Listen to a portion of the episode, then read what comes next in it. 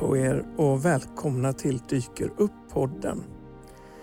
I detta avsnittet ska vi samtala om arbetet och arbetets roll i våra liv. Och med vi menar jag Bodil Jönsson och jag heter Jonas Fagersson. Hej Bodil! Hej Jonas! Vilken tur att vi får leva nu.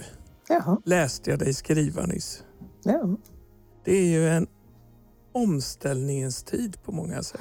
Du visade ju mig en, en bok för inte så länge sedan och vi kom att tala om den boken som heter Tio tankar om arbete. Mm.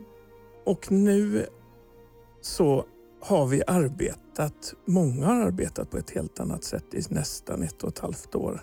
Och vi skriver den 2 juli 2021. Mm. Många är vaccinerade och vi tror att vi kommer kanske gå tillbaka till någonting som vi bedömer som normalt i höst. Och då började vi prata om detta du och jag, att det är ju... Är det något nytt normalt och hur ser vi på arbetet efter pandemin? Och hur vi blivit påverkade av detta.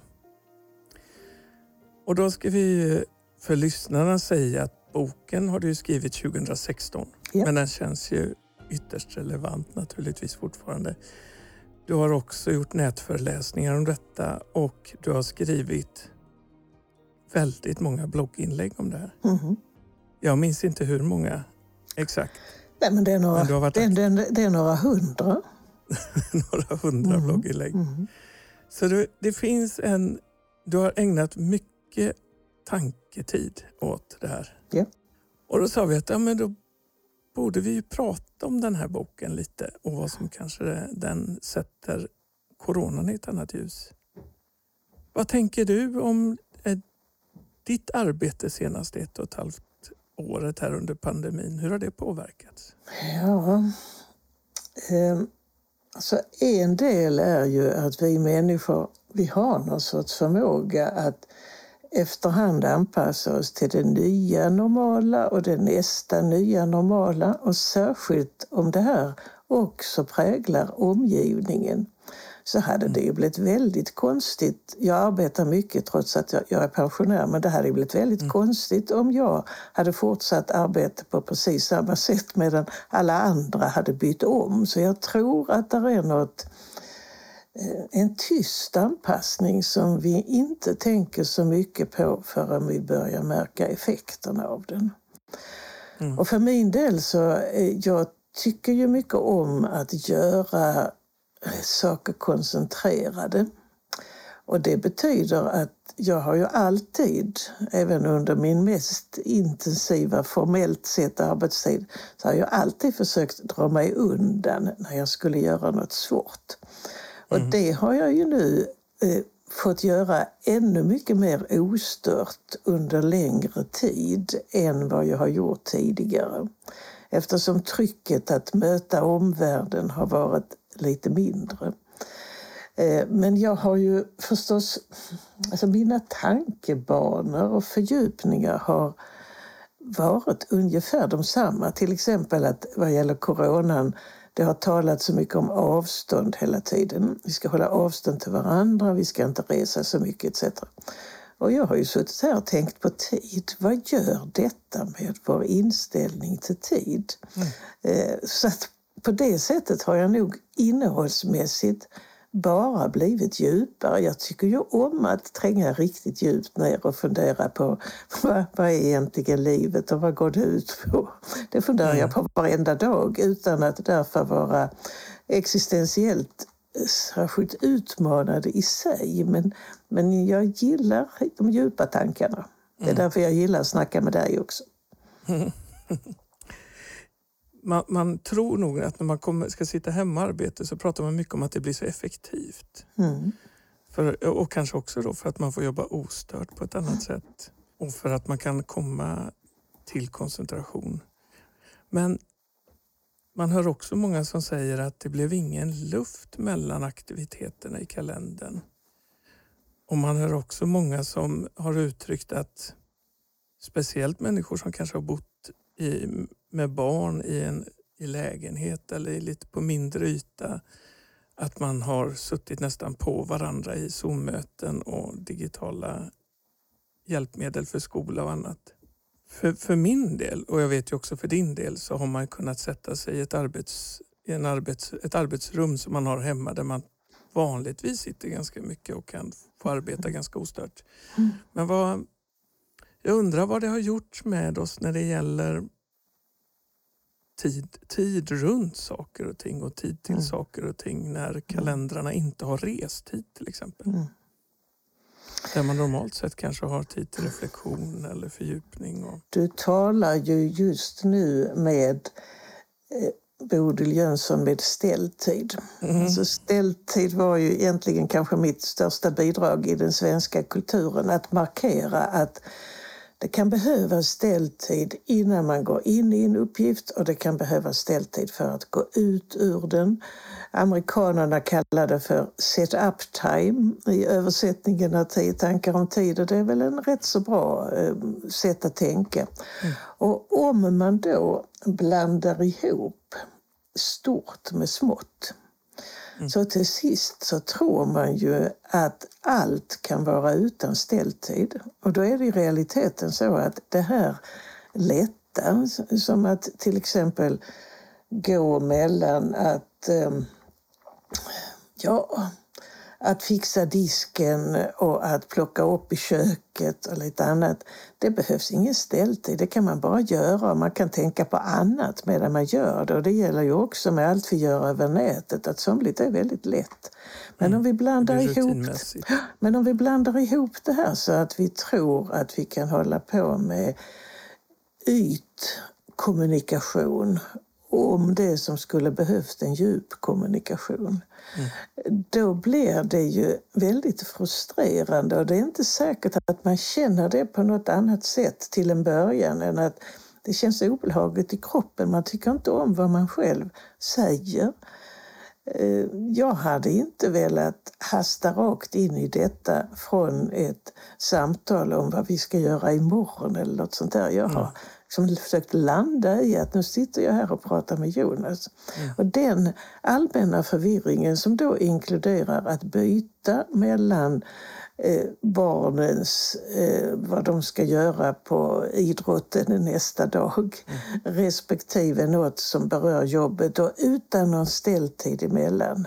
Då kan det bli det blir förödande för bägge delar. Du är, du är aldrig där. Du är aldrig inne i någonting för det går inte att komma ner på djupet. Och det, det beskriver ju boken också med att ta med sig arbetet hem. Ja. Det här när man, man jobbar lite efter middagen och, och, och egenarbetet i hemmet och, och familjetiden. Och, Men det, men det är inte bara när man tar med sig arbetet hem utan vi har haft, jag tror det som låg bakom boken Tio tankar om tid, det var att jag började fundera på att alla människor tycker att de arbetar alltid. Men i realiteten så gör de ju inte det. Utan jobbar du 40 timmar i veckan så jobbar du en tredjedel av dygnet, det vill säga åtta timmar, de fem dagar du kanske jobbar. Eh, Men sett över veckan jobbar du bara 24 procent och sett över året så jobbar du bara 20 procent för du har semestrar och annat. Eh, och sett över livet så jobbar vi bara 10 procent. När man då, samtidigt som man kan göra den här beräkningen, och den är sann, ni kan kontrollera det själv, ni som eh, lyssnar på det här. ja, det är väldigt Men, bra, men, men bägge, du, du har också kontrollerat antar jag, men bägge, bägge två är då sanna samtidigt. Känslan av att jag jobbar alltid, var kommer den ifrån? Ja, den kommer ifrån att även om jag inte går in på kvällen och gör någonting som jag inte hann med under dagen. Även om jag inte hade gjort det så hade hjärnan gått runt på jobbtankar. Och vi har ju fått någon sorts arbetslinje på hjärnan, att vi vaknar och tänker på jobbet. Mm.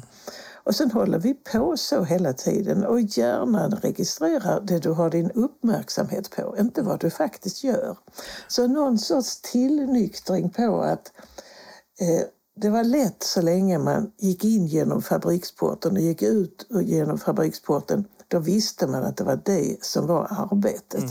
Men motsvarande tillnyktring för hjärnans del idag, den gör stor skillnad om vi kan hjälpa varandra till den. Mm. Till att dela upp. På tal om corona så fick jag ett fantastiskt julkort av Robert Nyberg det här året. Mm. Det var mamma och pappa och sonen och dottern. Och det var så gudsnådeligt och julgranen var tänd och julklapparna låg där vid sidan om. Eh, Och så löd texten det känns konstigt att fira jul här hemma på kontoret. Just det, den såg jag. Ja, här är jättebra. alltså, den här stämningen som ligger i vad, säger, vad det är som är jul. Mm. Och då kan det ju inte vara jul om man tror att man sitter på arbetsplatsen. Nej. Och Det är också, han fångar i klartext mycket av det vi försöker säga nu. Ja, verkligen. För min del som har eh, varit ensamföretagare i väldigt många år och valt att vara det naturligtvis. Mm. Och eh, har nog haft väldigt svårt att skilja på, på eh, i många fall arbete, egenarbete, ideellt arbete och så vidare. Det har gått lite in i Mm. vartannat. Eh, så jag har ju väldigt mycket ställtid till mitt arbete som pågår eh, hela tiden. Det jag ser och det jag läser och det andra berättar för mig relaterar jag ju tillbaka till mitt arbete. Mm. Mm. Eh, men det är ju kanske färre som har det som jag har det när det gäller arbete naturligtvis. Mm. Men jag tänker, ser du att efter coronan här, jag tänker man har lagt ett väldigt stort ansvar på individer, inte bara i att hålla avstånd och, ehm, och inte smitta varandra med coronan utan också att sköta sitt arbete på ett annat sätt. Där man tar ett ansvar för kanske sin, ja, i det praktiska sin arbetsplats med uppkoppling och teknik och kameror och vad det nu är. Anpassning till nya digitala hjälpmedel och verktyg. Men, men också i detta med tider och att, att man inte har någon som man kanske synligt i rummet är beroende av, av ens arbete till exempel. Nej, ehm, och ja, till, egentligen till alltihop. Får jag börja lite bakvägen och säga att en av de saker som vi får som bieffekt av det gamla normala arbetet, det var rytmen. Eh, Det fanns arbetstimmar, det fanns arbetsdag, det fanns arbetsvecka, det fanns till och med arbetsmånaden för det var då lönen kom. Eh, om man tar ifrån varandra en gemensam rytm så blir man på gränsen till tvungen att skapa sig en individuell rytm. Annars så slänger man ut barnet med badvattnet. Och det där med den individuella rytmen och att göra den själv, det är inte helt lätt. För då finns det ju ingenting utanför som naglar fast dig till den rytmen.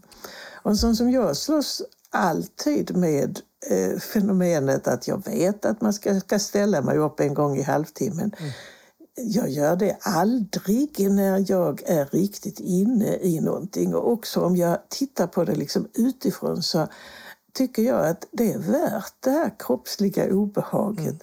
För att det är så nästan omöjligt att när du hamnar i ett flow, i en djup koncentration, att bryta det av några yttre skäl.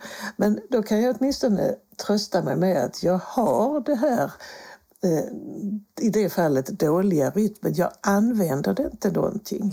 Men den drabbar ju alla det här individuella ansvaret. Både för att du ska ta ansvar för hur du sitter, du ska ta ansvar för det yttre i din arbetsmiljö. Du ska ansvara för att du inte jobbar för mycket och inte jobbar för lite. Och det, det tänker man ju då rätt så mycket på vad gäller när man får eh, ont i axeln för att man sitter fel när man sitter och skriver. Men jag har ju inte hört några som helst samtal om hur det här påverkar oss psykiskt att själva ta ansvar för att vi arbetar rimligt, vettigt enligt nu gällande insikter i hur man påverkas av sitt jobb. Det har bara ja, man har bara utgått ifrån att det får människor klara själv. Det är väl också hotet ifrån corona och pandemi och ja, det, vi behöver inte gå djupt om i det alarmistiska med detta men det är, det är ju beskrivet som ett, ett, ett dödshot och ett hot mot samhället naturligtvis. Och det, det är klart att då, då, då blir de frågorna underordnade naturligtvis. Då löser man Ja, bara klart och klart, klart, klart, klart och klart. Alltså, vi har ju agerat på det sättet som kollektiv. Våra ledare har agerat så. I alla sammanhang har man sagt liksom, först kommer coronan. Och jag då som är tillräckligt gammal för att ha varit med på gamla asiatens tid och vet att 1957 så stängde man inte Halmstad högre allmänna läroverk för att det florerade asiaten och en tredjedel i klassen var sjuk och säkert en tredjedel av lärarna. Allting fortsatte precis så som det hade varit innan. Och, och den erfarenheten eh, var ingen som funderade på att ställa in fotbolls-VM 58 till exempel. Eh, bara för att det fanns asiater 57. Eh, och det hade varit det hade varit så otänkbart att man då skulle hoppa från ett system till ett annat system bara för att det hade kommit in ett eventuellt dödligt hot. Mm. Så det är en väldig skillnad på samtidsreaktionerna och jag tror inte alls att man ska eh, alltså då bara jämföra och säga att coronan var mycket allvarligare. Eh, och därför till exempel då stoppa det som bar vår ekonomi som i sin tur gjorde eh, idiotstopp också i Afrika. Vilket i sin tur ledde till att det är fler barn som har dött mm. svältdöden som en följd av detta än vad det är av oss äldre som har dött i västvärlden. Mm.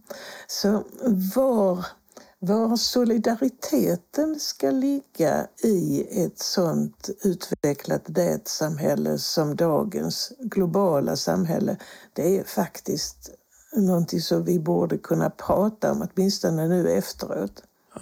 Har du tänkt på att man tog ifrån man tog faktiskt ifrån oss framtiden under en rätt så mm. lång tid genom att ingen talade framtid. Man sa, vad man än förde upp så var det, ja men det kan vi ju inte prata om nu, vi får först se hur det går med mm. coronan. Och tar du ifrån människor framtiden så blir ju nuet också ganska meningslöst. Mm. För nuet är ju något som ligger där mellan det förflutna och mm. framtiden. Mm. Och eh, då kommer du till något annat som jag naglar fast i arbetsboken. Allting som du gör på jobbet eller i övrigt, det gör du för framtiden. Hade du inte trott att framtiden fanns så hade du ju inte gjort någonting. Nej. För du kan inte göra något för nuet, för nuet är mm. redan borta.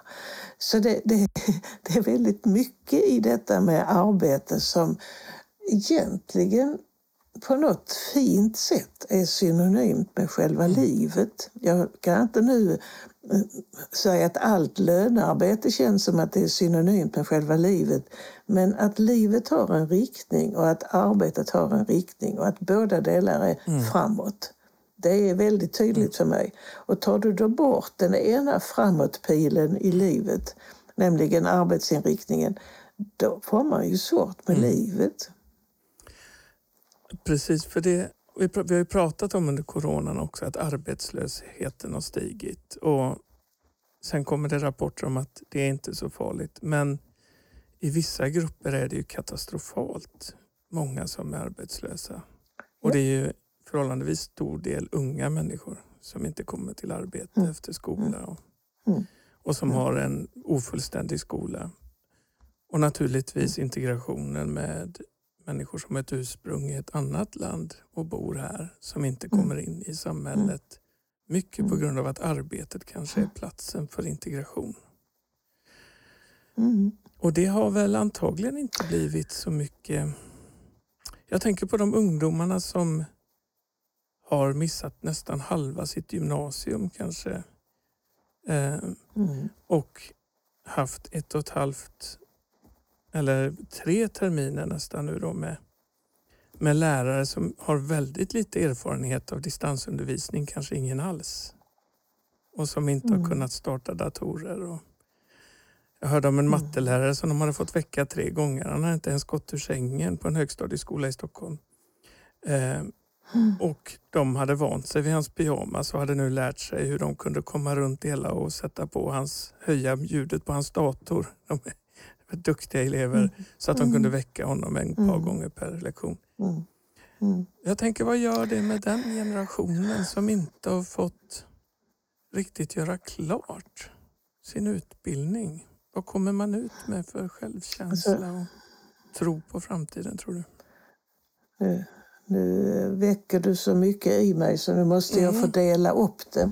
Så om jag först tar dem som, även de som har en så kallad ofullständig skolgång, men som har funnits i Sverige, de har ju ändå relativt sett gått i skolan ganska länge. Och under den tiden har de fått reda på gång på gång att det här måste man kunna för att annars klarar man sig inte ute i arbetslivet. Och så är det dags. Och då råkar det för en viss andel vara så att dags det kom samtidigt med coronan. Och då blev det så väldigt många fler av dem som blev arbetslösa. Och har man, lever man i ett samhälle som är inriktat på arbete och man inte får lov att vara med i arbetslivet, då får man ju reda på rakt upp och ner att man inte duger. Och vi kan prata hur mycket som helst om detta, att det här var något tillfälligt. Ja men snälla rara, två år i en ung människas liv, det är inte tillfälligt. Utan det behövs väldigt mycket efter två år av arbetslöshet för att man ska upprätthålla eller nyskapa någon sorts självrespekt. Sen har du de som har fått vara med om en skolgång eller en studenttid.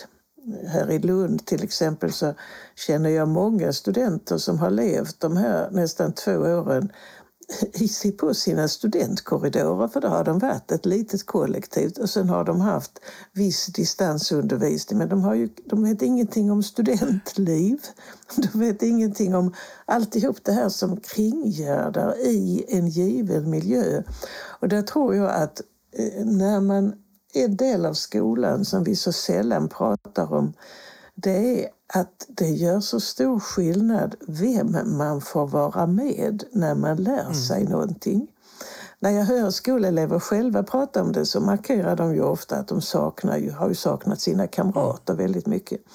Men jag tror inte de riktigt har tänkt igenom vad det betyder för själva lärandet att vara en av de andra som kan ungefär lika mycket och då man har fått känna både när det är svårt och när det är lätt. Att så kan det vara för flera stycken runt omkring, men i varierande utsträckning. Man har kunnat liksom fasa in sig. Eh, vi är lite rädda, särskilt i Sverige, för att tala om hierarkier. Men hierarkier fyller också en lugnande funktion. Att vilket sammanhang man än kommer in i så efter ett tag så kan man ju märka att ja, jag förhåller mig till den så och till den så. Eh, och det gäller ju både kunskaper och det gäller läggning i övrigt. Eh, men allt det har ju i stort sett varit borta. Eh, så att det finns nu en eh, rädsla inför så kallade kunskapsluckor som man kan försöka återfylla igen genom eh, intensivt sommararbete eller så. Men det är ju någon sorts utvecklingsluckor som har uppkommit. Och det är inte så lätt att täppa till dem efteråt. Jag säger, man ska absolut jobba på det och, och ju mer vi blir medvetna om det desto lättare är det att göra någonting åt det. Men det går ju inte att eh, ta klockan tillbaka och eh, föra in det där det skulle ha kommit utan det blir vid en annan tid och på ett annat sätt. Ja, för, för de, speciellt i den åldern där man är väldigt där man är väldigt kopplad till skola och utbildning så är det klart att då är det en, en annan utveckling också som, som har stannat av. Ja, och finns det något som, och finns det något som är, någon som är framtidsinriktad, hela varelsen, så är det ju unga människor. Det är ju framåt, framåt, framåt.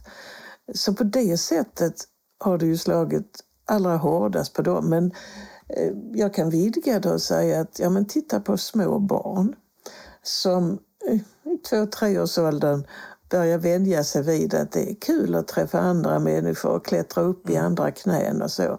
Om du då under ett par års tid i den åldern får lära dig att främmande människor kan det vara farligt att närma sig. Det är klart att det lagrar mm. in sig i det barnets utveckling. Gå inte nära. Gå inte nära. Ja, jag tänker ändå om det här hade mm. hänt när jag... Om jag hade varit som min son, om jag hade varit i 15-16 års ålder när det här hade hänt. Mm. Så hade jag ju förlorat väldigt mycket utav... Jag hade förlorat mycket mer än honom på något sätt när det gäller det sociala, kontakten med vänner och så. På grund av att man har mycket mm. av det där i sin Absolut. telefon, i sociala, digitala mm. nätverk. Mm. Jag tänker det varit ännu mer förödande att gjort det här på 70-80-talet. på något sätt, att spärrat in folk. Ja, jag, jag, nej, men jag tror, mm. jag tror du har rätt i det. Jag tror också att eh, med den attityden som vi hade till att stänga mm. skolor till exempel. Hade man stängt skolor både när, när du var i 15-årsåldern och när jag var i 15-årsåldern så hade det ju haft mycket värre effekter mm. än vad det har nu.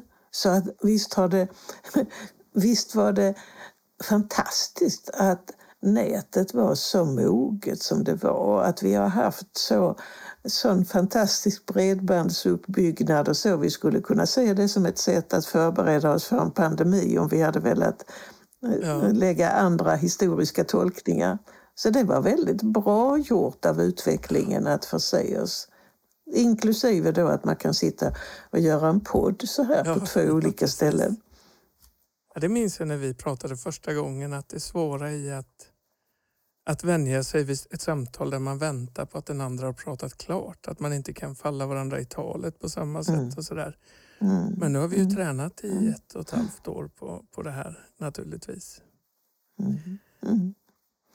Och så får man inte missa att jag hade inte kunnat ha detta samtalet med dig så här pass avslappnat om det inte var för att vi har samtalat mycket mm. det senaste året. För det gör ju någonting som gör att nätet är inte fullt så flyktigt som vi tror. Alltså nära vänner kan mm. man ha över nätet. Jag har också funderat på när jag har läst boken. Jag hörde ett, eh, ett radioprogram för ganska så länge sedan om det här med, våra, med vad vi arbetar med. Och vi alltså förvärvsarbete, lönearbete och vad vi titlar och sådär på, vad vi är. Det, det, tyckte jag var ett intressant... Eh, mm. För förr i tiden på gravstenar så skrev man ju ofta ut sin, sin titel om man hade varit... Mm. Ja, man kunde varit mm. murare eller man kunde varit bankdirektör eller tjänsteman mm. eller sådär. Mm. Mm. Men om vi tittar på det här kontra egenarbete där vi idag ska ha väldigt många... Vi ska kunna ganska många yrken sådär som vi inte nödvändigtvis är avlönade för. Jag tänker på hur vi sköter våra bankärenden mm. som du tar upp. Eh, det är mm. ett, ett, arbete mm. som vi har tagit över på individnivå. Det finns ju många sådana exempel tänker jag där vi, vi kanske ska bli mästerkockar och, och, och allt vad det kommer stå på gravstenarna när vi dör banktjänsteman och mästerkock eh, och, och en rad andra saker. Och jag tänker också under pandemin här så har man ju fått agera både skolmatsalsbiträde och, och hemskolare och digitalsupport och det har ju varit ett, för många föräldrar framförallt tror jag ett, ett, ett annan typ av egenarbete än vad det har varit tidigare. Tror du att vi i framtiden kommer se annorlunda på det här med att att ha ett arbete eller att ha en roll beskrivet. Jag tänker det är fortfarande så att man är, man är, man är plåtslagare eller man är, man är kommunikationsstrateg och sådär. Men jag tänker att kommer vi se annorlunda på det här framöver? Oj, oj, oj. oj. Ja. Jag kan börja med gravstenen då, ja. så kan jag nysta, nysta det bakåt. Alltså, jag brukar ju fundera över gravstenar att det har ju aldrig varit en så individualistisk tid som det är nu. Det har aldrig skrivits så många CV, man har aldrig gjort sig så märkvärdig som nu.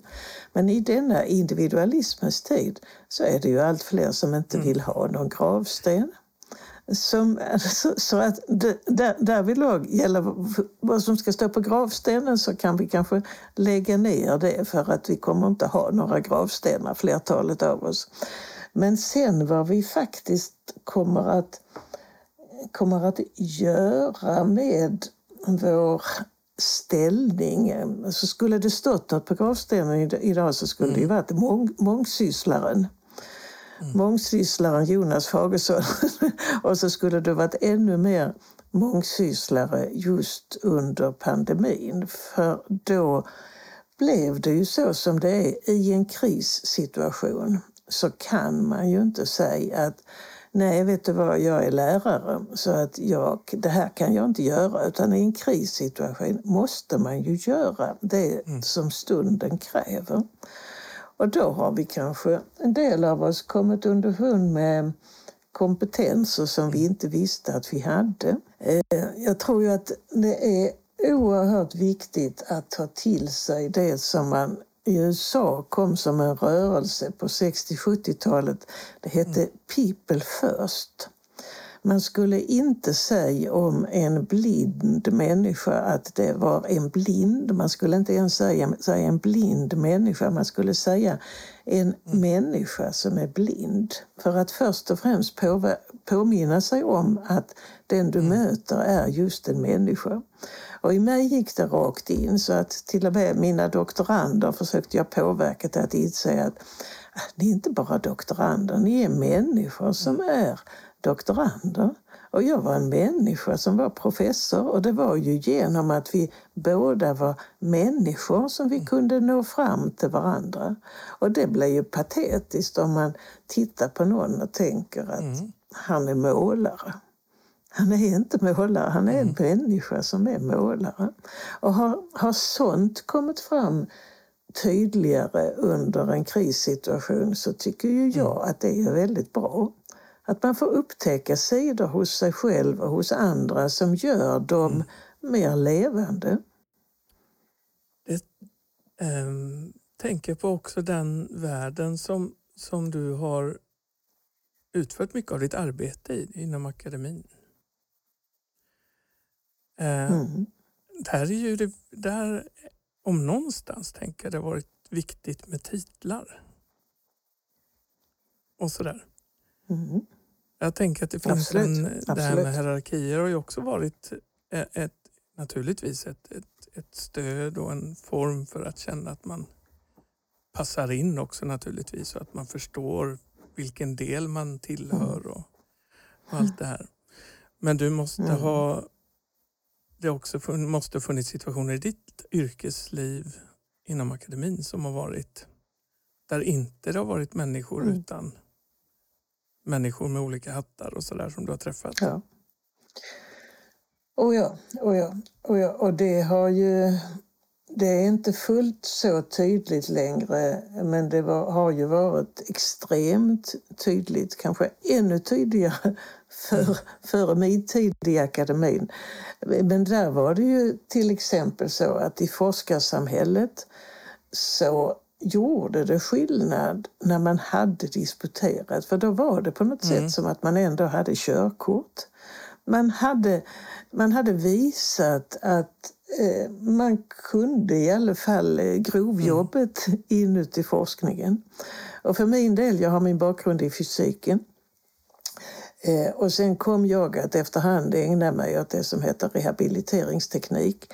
Jag hade aldrig kunnat få göra det om det inte var för att jag hade trots allt visat att som fysiker mm. kunde jag klara mig inuti akademin. Och var jag då så dum så att jag ville vara lite nydanare på ett annat område mm. så fick jag väl göra det då. Det är ju ändå hon. Men jag fick ju ta hela ansvaret själv. Mm. Jag fick inte hjälp någonstans ifrån.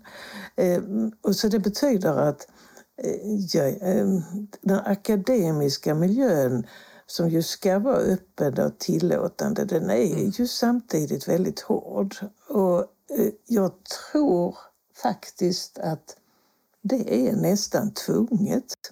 För ska man kunna jobba med att vidga ska säga, kunskapens gränser, eh, det är ju egentligen mm. det som ett universitet är till för, eh, då eh, måste vi ha mellanmänskliga metoder för att skilja charlataner från hårt arbetande, evidensbaserade. Du kan ta till alla de fina varianterna.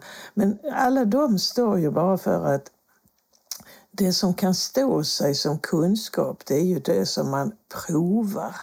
Håller detta i det sammanhanget, håller det i det sammanhanget etc. Eh, och det kräver ju väldigt mycket av ett gemensamt kollektiv som kan pricka in varandra. Sen har detta avart och mm. det är jag den första att, att beklaga. Men jag tror mm. att det behövs den där hierarkin. Det är ju lätt att man också under, delvis på grund av corona och för att vi har haft så många samtal om det innan just med hälsoperspektivet och people, mm. people first mm. och patientcentrering och vårt eget ansvar för hälsa tycker jag är en sak som jag har reflekterat ganska mycket över under den här mm. pandemin.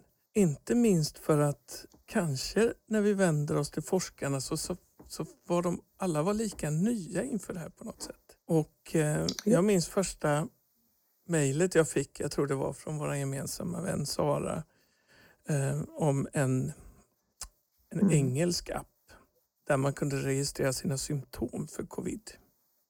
Och där man började samla in. Mm. Och också första Facebookgruppen som numera är en patientförening för människor som har haft eller har covid eller närstående. Tror du att forskningen och den egna erfarenheten av till exempel corona, att man har kommit samman på ett annat sätt när det gäller att skapa ny kunskap? Har du sett några sådana tecken under coronan? Alltså det beror ju alldeles på vad du lägger in mm. i kommit samman. Eh, för att vi har ju inuti vården har vi ju haft den hierarkin att det är inte jag som förstår mig på mina åkommor utan det är de vårdprofessioner som jag möter, det är de som kan ställa diagnoser, det är de som kan komma med åtgärder. Och då har det ju nästan som en proteströrelse eh, kommit sedan 10-20 eh, år tillbaka. Sajter som Patients Like Me där man som patient har kunnat dela sina erfarenheter med likasinnande. Och då har det ju uppkommit en efterhand väldigt stor gemensam kunskap som förstås på alla möjliga omvägar också har påverkat eh, läkares attityder men också kunskapen inuti medicinen. Men några, några egentliga former för att medvetet i forskningen tillvarata detta. Mm. Det är det glest emellan. Jag brukar tänka på det den veckan då man ska, om man är ambitiös fågelskådare, så ska man mm. tala om vilka fåglar man har observerat just en viss dag till exempel. Så tänker jag att jaha, det här är vi betrodda som människor mm. att hjälpa den biologiska forskningen med. Eh, tänk om vi skulle göra detsamma för vår observation av vår egen hälsa och tänk vad det skulle kunna påverka oss att när du säger ta ansvar för sin hälsa då måste man ju först och främst börja lära sig mm. att, eh, att märka den. Att märka när den mm, är lite i obalans. Eh, så där finns väldigt mycket att göra. Det skulle ju kunna vara något där man inte bara i en coronatid när eh, de professionella kan så lite för att de inte vet om hur det har yttrat sig tidigare eller kommer att yttra sig längre fram. Men för alla våra vanliga åkommor att hitta nya former att få kunskapsfronten att flytta sig framåt. Så jag talar inte bara om att förmera det utan det skulle ju kunna bli en annan kunskap. Och i den mm. god och nära vård som du och jag har träffats inuti tidigare, alltså det här med kontinuitet. Du tänker dig att du möter samma läkare och att ni ömsesidigt har en nyfikenhet så gör ju varje möte att man kommer att få impulser från varandras respektive kunskapsvärldar som kan leda mm. till en genuint ny kunskap. Mm. Det är ett jättespännande forskningsområde. Och där någonstans så beskriver du för mig det med samskapande där vi inte konsumerar en slutprodukt utan att vårt gemensamma, mm. det, vi, det mm. vi lägger som gemensamma värden tillsammans också skapar ett gemensamt värde. Eh, så, eh, mm, absolut. Men nu, vi, nu har vi ju pratat om flera olika saker, men om vi återgår till det här med att en förflyttning där vi tar hand om, kan mer och gör mer för vår egen hälsa. Där vi tar ett större ansvar för den och skaffar oss mer kunskap mm. och mer tekniska förutsättningar för att mäta mm. och vi har också informationen tillgängligare på ett annat sätt. Också kanske beskriven på ett sätt så att vi kan förstå bättre än vad vi gjorde tidigare på grund av språk och annat. Mm. När ska mm. vi hinna med det här? För när jag läser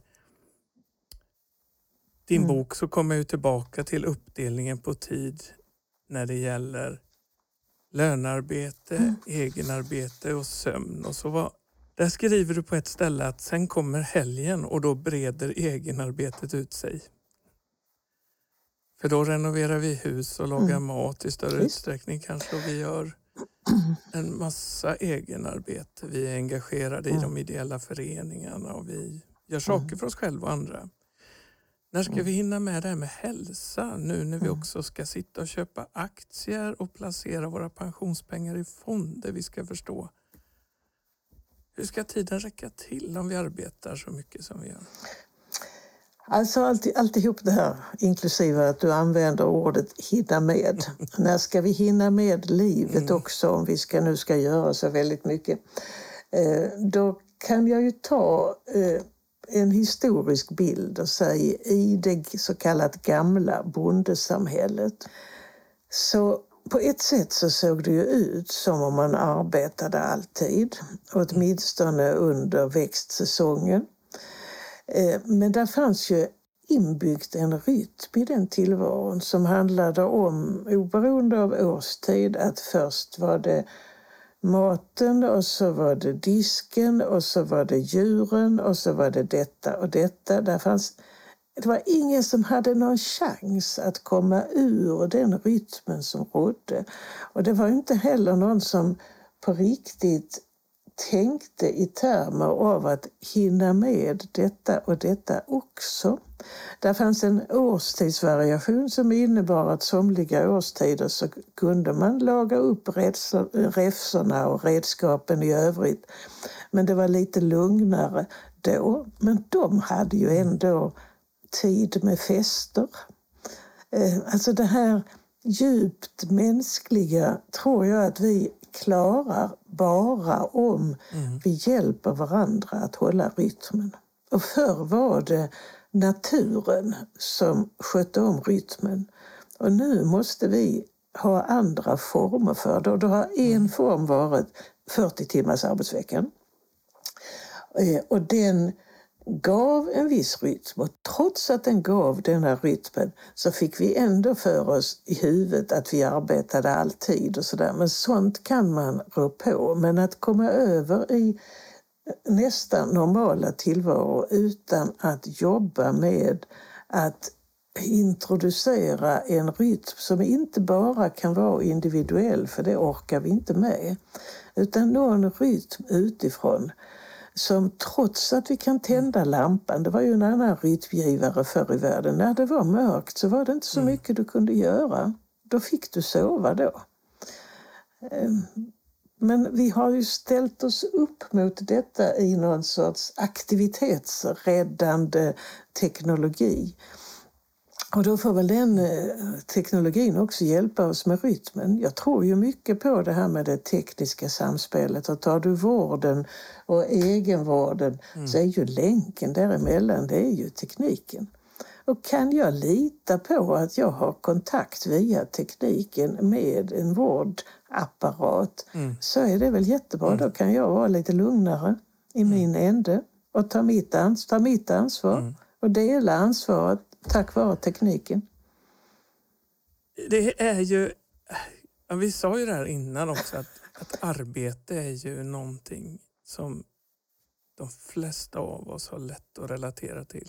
Oavsett om vi har arbete eller om vi är på väg till mm. arbete mm. eller om vi studerar eller om vi är pensionärer och inte mm. lönearbetare och så vidare. Mm.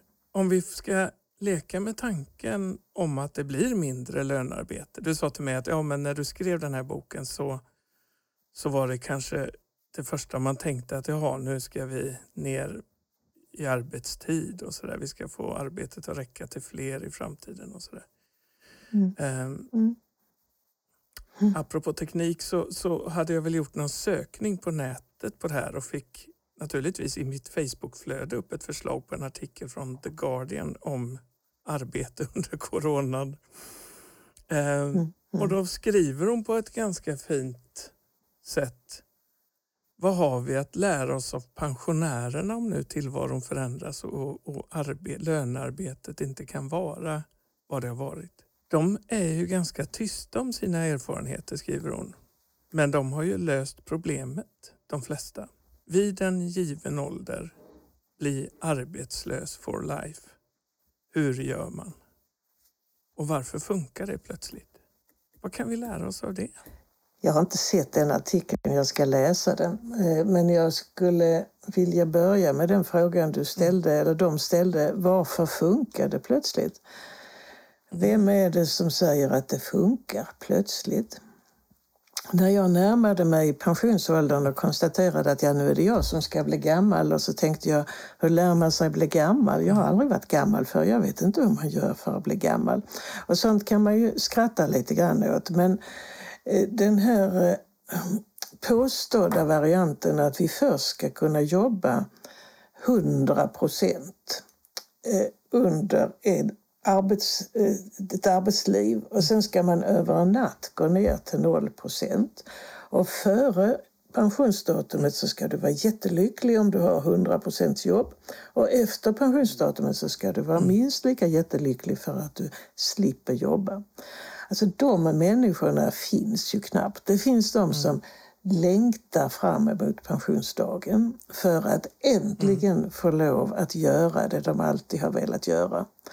Och då tänker ju åtminstone jag att alltså det är verkligen att förslösa ett människoliv. Att hålla på med sånt som man känner sig tvungen till för att arbetslivet har tvingat in dig i det. Men det är ju också sen någon sorts suspekt om de som fortsätter att vilja jobba, för alla jobbar ju på något sätt också som pensionärer. Pensionärer gör en väldig massa saker. Pensionärer hjälper till ungefär som hemmafruar gjorde förr i världen med att få vardagen att löpa framåt. Då började man studera pensionärers arbete och struntade mm. i om det var ett formellt lönearbete eller mm. inte så skulle man ju upptäcka väldigt mycket. Men att, att um, utgå från att pensionärer har format ett nytt sorts arbetsliv Eh, som är riktigt funktionellt, det, det, så är det inte för att det är ändå så att den stora gråa massan av pensionärer, det så kallade köttberget, får ju uppleva i vårt arbetsfixerade samhälle att den är utanför den är en belastning. Så på något sätt så känner jag mer för att röra om i hela grytan. Men visst finns det mycket från pensionärslivet som, som vi kan ta till oss. Och det skriver du också om i boken som jag tycker är... Vi kan ta det här med... Det har ju inte bara med pensionsdagen att göra. Nej. Det har ju också med arbetstider att göra. Absolut. Absolut. Ja, vi har ju pratat om det förut att mm. eh, att börja jobba tidigt på dagen passar ju inte alla. Passar inte mig till exempel. Så det är ju en av pensionärslivets friheter, det är att jag gör ju aldrig någonting numera som berör någon annan före klockan tio. Jag är, jag är alltså, infört ett fint ord för det, I'm not talkable före klockan tio. Det är inte lönt att snacka med mig. Men jag har ju ändå stått i föreläsningssalen klockan åtta på morgonen under många år av mitt liv. Du kan ju ta den här podden som exempel. Jag börjar nu snegla på klockan Ja, och tänker att 55 nu, minuter har vi gått. nu har vi hållit på väldigt länge så nu får väl Jonas snart börja runda av. Ja. Men det i sin tur handlar jag skulle jättegärna prata med dig hur länge som helst, men det finns ju i ett sammanhang d- där det ena för att livet ska fungera så måste ju både arbetslivet, både poddtiden och resten, de måste fungera bägge två. Annars blir det ju inte bra. Nej. Det, samspelet måste ju fungera. Och vill man veta mer om det här så finns det ju på dykerupp.nu. Och boken heter ju 10 tankar om tid. Nej, tio tankar 10 om tankar arbete. om arbete. Bra. Eh, Men 10 tankar om tid finns också. Men det har vi Absolut. inte pratat lika mycket om idag. Och det finns ju möjlighet naturligtvis att, att, att boka in föreläsningar. Och det finns ju många, många blogginlägg. Så har vi över 120, var det så? Nej, det var mer. Det, det är under 200, men, men ehm, ja. Om man vill fördjupa sig och, och hitta mer saker. Och, och boken tycker jag var speciellt slutet där. Du har ju gjort oss den fina tjänsten att göra en kort version av boken i slutet. Det kanske man inte ska säga innan folk... Det var en fin överraskning och en fin repetition. Fungerar ju alldeles utmärkt som samtalsunderlag. Och jag var ju också berättare för att det var ju lätt att läsa det här tillsammans med en 14-årig dotter till exempel. Mm. Som Men det skulle börja mig- sitt första sommarjobb. Det gjorde mig väldigt glad att det kunde funka för en 14-åring. Ja, vi får väl se lite hur framtidens CV kommer se ut helt enkelt. Vi får Mm. väl... Eh, det är fint att få leva nu i förändringarnas tid Mm. Är och få det. uppleva detta. Jättefint. Ha en riktigt god sommar Bodil. Detsamma. Och tack till er som har lyssnat.